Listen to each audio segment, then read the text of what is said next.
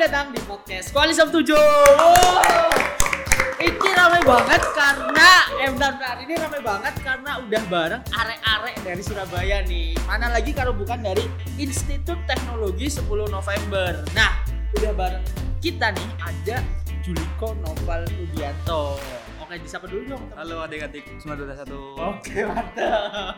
Nah, kamu jurusan apa nih? Eh, dari teknik sistem perkapalan. Sistem berkapalan bikin kapal gitu ya. Yoi. Bikin Titanic mungkin gitu. Nah, sama ada Mas Indrajit Aryo Wicaksono dari Semada 19.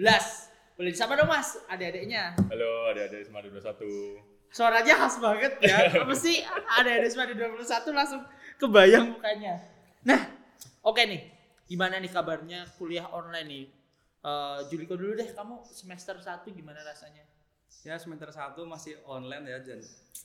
Apa apa online apa online gitu kan. Gak enak banget kan. Gak enak ya. Materi-materi susah masuk ya. Ya sama aku juga. Nah, kalau Mas Indrajit sendiri nih, eh kan udah pernah ke sana ya Mas berarti? Iya, iya. Bedanya online sama offline apa sih di TS tuh?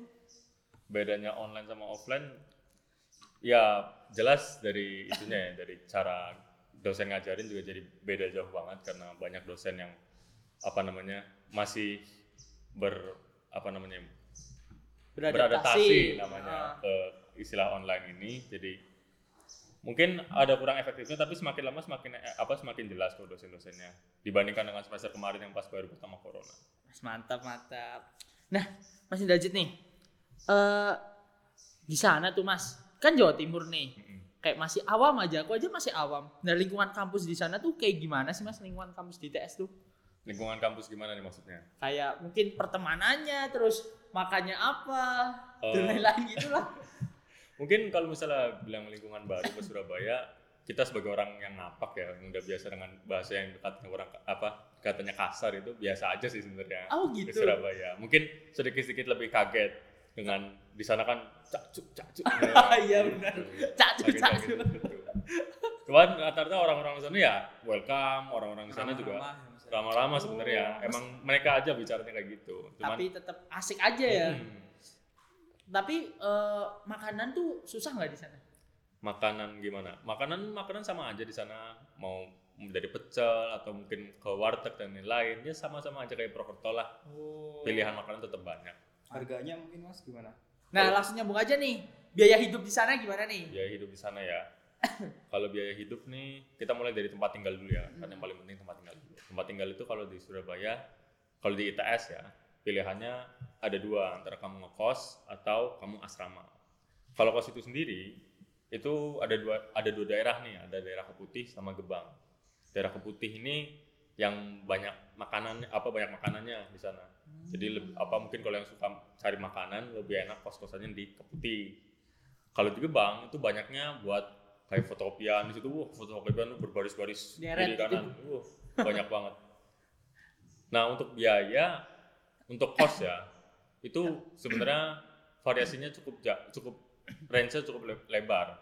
Mulai dari 300.000 ribu. Oh, 300 udah dapet ya? 300 ribu itu udah dapat cuman agak susah emang nyari nyari untuk harga harga segitu karena biasanya rebutan. Sampai sampainya sih sampai nggak ter, sampai Iya, tak terhingga. Sultan Sultan. ya kalau 300 ya berarti non AC kamar mandi luar. Oh. mungkin kalau misalnya untuk yang perlu AC dan kamar mandi dalam sekitar satu juta ke atas lah Hmm, ya rata-rata univ gitu ya, hampir Mm-mm, sama. rata-rata unit gitu Eh, terus kalau biaya makan, kehidupan di sana gimana, Mas? Eh, biaya makan kisaran 8.000 sampai 15.000 lah itu udah dapat makan gitu. Kalau misalnya di atas 10.000 gitu udah bisa dapat tambahan es teh atau Oh. dapat es-es lainnya lumayan lah. Sebenarnya kalau harga makan tergantung pinter-pinter anaknya aja mau ny- nyarinya gimana. Iya sih bener. Ya rata-rata ya hampir sama Mm-mm, kayak Rata-rata hampir sama yang lain. Oh ya, itu tadi sama kan baru kos. Hmm, asrama. Ada asrama. Asrama di ITS itu ada tiga macam apa kamar. Ada yang sendiri, ada yang berdua, sama ada yang berempat sekamar. Oh, Harganya beda nggak? Harganya beda-beda. Kalau yang sendiri itu harganya mulai 700-an. Kalau yang berdua itu harganya mulai 400-an. Dan yang berempat itu juga harganya mulai 400-an. Cuman bedanya kayak lantainya gitu. Oh. Jadi biasanya yang semakin lantai kan lantainya itu sekitar ada empat biasanya satu gedung. Kalau makin tinggi makin murah. Hmm, makin tinggi malah makin murah ya. iya kan capek net tuh Iya bener sih. Dua galon. Kalau Oh, capek. Sama. Nah, eh, fasilitas nih. Biasanya tuh kalau misal milih univ pasti juga pengen yang fasilitasnya lengkap. Mm-mm. Nah, ITS sendiri tuh fasilitasnya apa nih? Terutama Mas Indrajit nih yang udah pernah lihat langsung gitu loh. fasilitas biasanya fasilitas yang paling yang penting pertama buat mahasiswa fasilitas olahraga, olahraga ya Mm. karena mahasiswa ya juga perlu olahraga di ITS sendiri tuh ada ya lapangan sepak bola ada dengan running track running tracknya sama seperti kampus-kampus lainnya di sana juga ada stadium khusus buat futsal Oh, biasanya buat banget ya. buat lomba futsal di kampus gitu yang tingkat kampus di situ juga ada lapangan tenis lapangan apa ada lapangan badminton juga ada lapangan basket dan lain-lain lah. Pokoknya cukup lengkap untuk fasilitas olahraga itu sendiri. Fasilitas eh, buat kuliahnya gimana nih? kalau fasilitas buat kuliah setiap ruangan udah AC di sana. Jadi nggak perlu nggak perlu takut lagi buat kepanasan di Surabaya deh kalau masalah kuliah. Terus ada perpus juga ada masjid Manarul Ilmi namanya kalau masjidnya ITS itu. Dan ya itu paling juga ada medical center medical center ini kesehatan buat mahasiswa jadi ketika mahasiswanya sakit bisa datang ke sana kesehatan untuk dokter umum itu bisa mendapatkan gratis dengan membawa KTM Oh, lengkap ya ITS ya. Nah, Hmm. karena lengkap ini berarti keketatan kampus nih yang aku mau bicarain. Soalnya ITS kan masuk klaster 1 kan. Iya. Nah, Juliko nih yang baru. Kamu masuk lewat jalur apa dan keketatannya tuh kayak apa sih di ITS? Kalau aku kan masuknya lewat jalur SBM nih, Hmm. jadi ya gitulah tergantung nilai-nilai juga. Kalau ITS kan termasuk peringkat keempat ya di Indonesia ya, otomatis ketat lah, tapi nggak terlalu kayak UI gitu kan terlalu apa lebih atas kan peringkatnya kan. Iya. Terus kalau kalau mau lihat keketa- ke- keketatan persen-persennya itu bisa dilihat di web its.ac.id itu di, sana semua lengkap mulai dari saintek sama sosum ada persentase keketatan dari tampung dan lain-lain di sana lengkap Nah, mantep banget tuh. Berarti langsung aja lihat di mana tadi? di smits.its.ac.id Itu udah lengkap ya tentang Udah keketatan lengkap, kampus ya. Hmm, berarti kamu lewat jalur masuk SBMPTN. SBMPTN. Tapi di tes sendiri tuh ada jalur masuk apa aja sih? Eh, ada tiga jalur masuk ya ada SNM, SBM sama ujian mandiri mandiri. atau seleksi mandiri Oh, berarti sama lah ya kayak Iya. universitas di Tapi Indonesia kalau lain. Seleksi mandiri kan di kan ada yang ujian dulu kan. Kalau di tes itu cuma dari nilai rapot, terus nilai SBM, sama kalau ada prestasi bisa dilampirkan. Oh, jadi ujian mandirinya rapot gitu ya? Iya. Oh, oke oke oke oke. Nah, eh, UKM nih. Aku mau bicara tentang UKM. Eh, UKM yang ada di sana itu apa aja nih, Juliko nih? Hmm, kalau UKM itu udah banyak banget mas. Yang pertama itu ada flag football. Apa tuh flag Nah, football? Flag football itu kayak tahu itu American football. Oh, iya, iya, iya, benar, benar. itu. Ah. Nah itu kan berbahaya ya. Iya. Kalau ini lebih safety lah istilahnya. Hmm, Terus ada PMI, kalau di sini PMR mungkin iya ya. iya. iya. Terus ada panahan, ada penalaran, tenis. Kalau ada, kalau senang teater juga ada tiang alit namanya. Oh. Udah sering lomba juga. Banyak, ya. banget lah. Kalau kamu ikut apa? Kalau kamu? Nah kalau aku ikutnya flag football. Mantap. La- laki banget. Iya sih bener. Mas Indrajit ikut apa mas? Kalau aku ikut IFLS itu apa komunitas buat bahasa asing di Oh. ITS. Eh, gini gini gini. Institut Teknologi. Aku taunya kan berarti semua kayak jurusan fakultasnya tuh teknologi. Tapi bener nggak sih eh, fakultas-fakultasnya tuh apa aja di ITS tuh? Fakultas-fakultas yang ada di ITS sekarang ada Fakultas Sains dan Analika Data, itu isinya yang kayak fisika, matematika, statistika, kimia, biologi, aktuaria. Mm-mm. Terus ada Fakultas Teknologi Industri dan Rekayasa Sistem, itu ya mesin, teknik kimia, fisika, industri, ma- material, metalurgi. Terus ada Teknik Sipil dan Perencanaan Kebumian, itu ya sipil, arsi, tekling.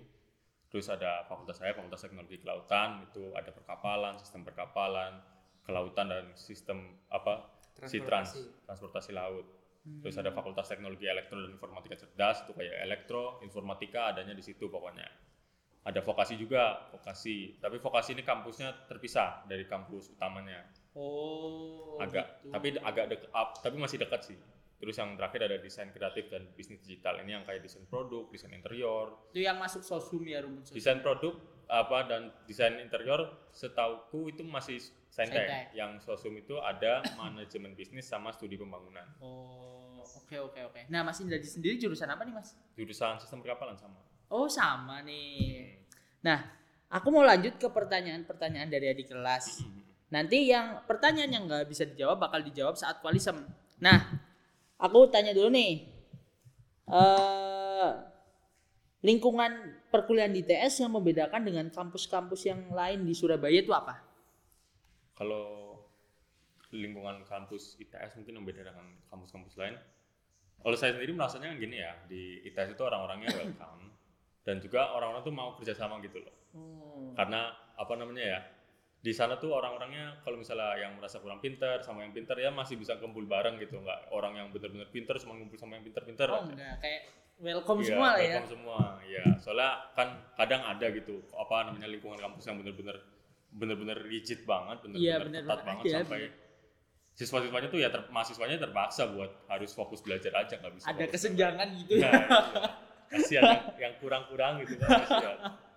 di tes enggak lah ya di tes tuh Ya, aman. semua jadi satu nah lanjut lanjut nih eh kami belum paham tentang software dan coding tetapi ingin masuk teknik informatika tuh gimana nih tahu nggak meskipun jurusan perkapalan nih Kalau itu aku kemarin udah sempat tanya temen Gus ya. Emang Hmm.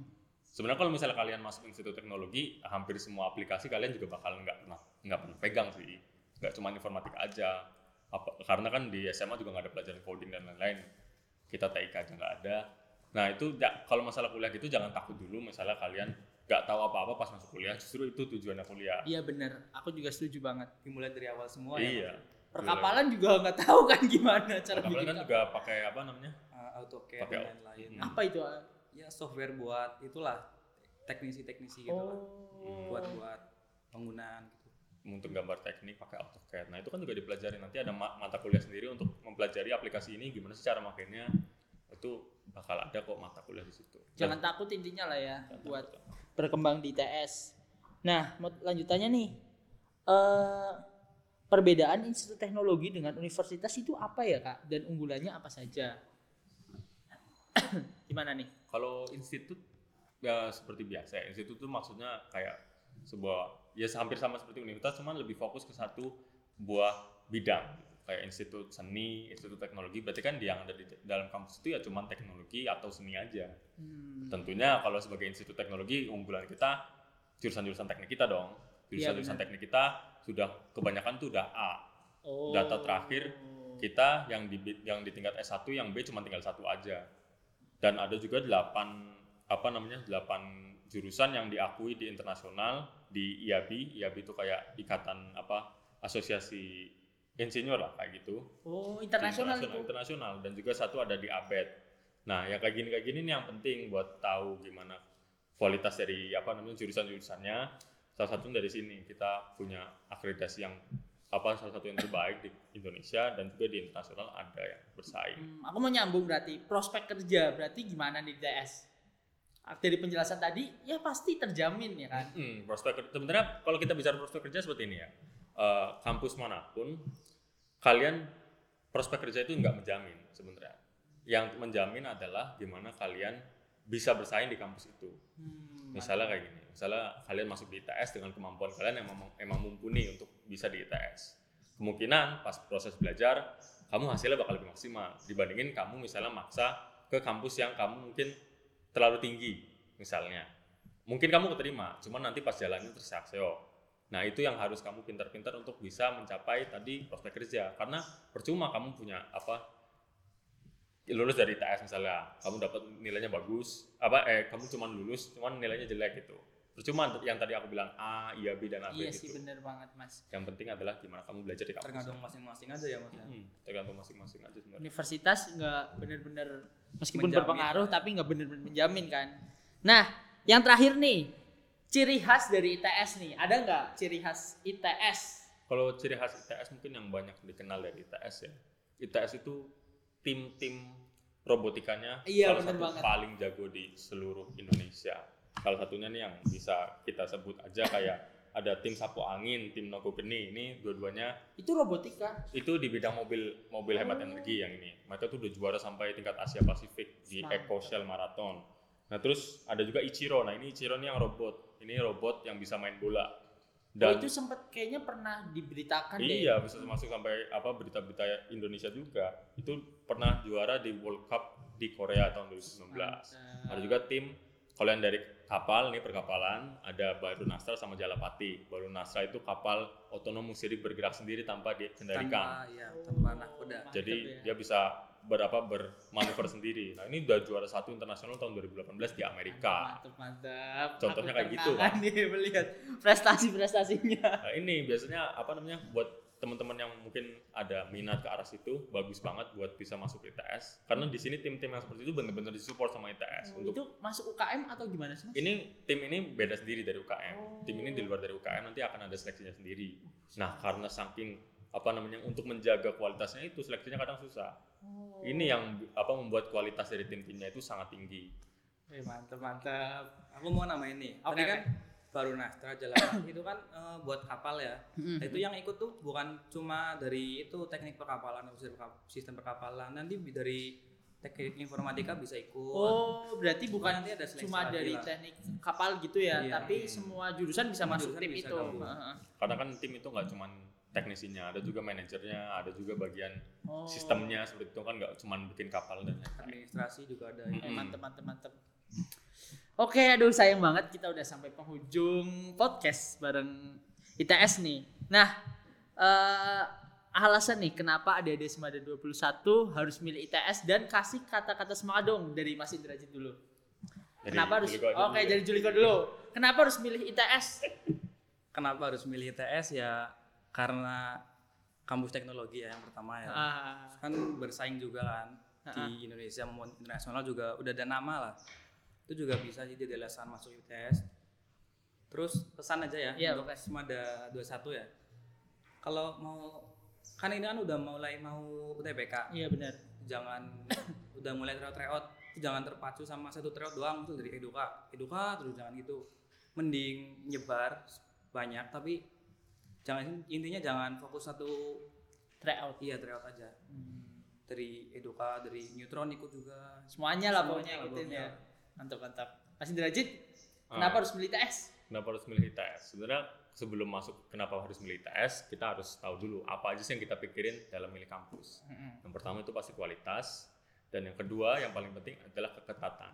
Karena apa? Percuma kamu ngincer kampus yang tinggi tapi kamu nggak masuk kan? Iya, percuma benar. banget kan? Yang penting adalah kamu gimana kamu bisa masuk kampusnya dan kamu dapat kualitas yang tinggi nah itu dua-duanya terjawab di ITS di Mantap. ITS kualitasnya tadi udah A, ada udah banyak yang A Jangan ditanya lah ya. Jangan ditanya.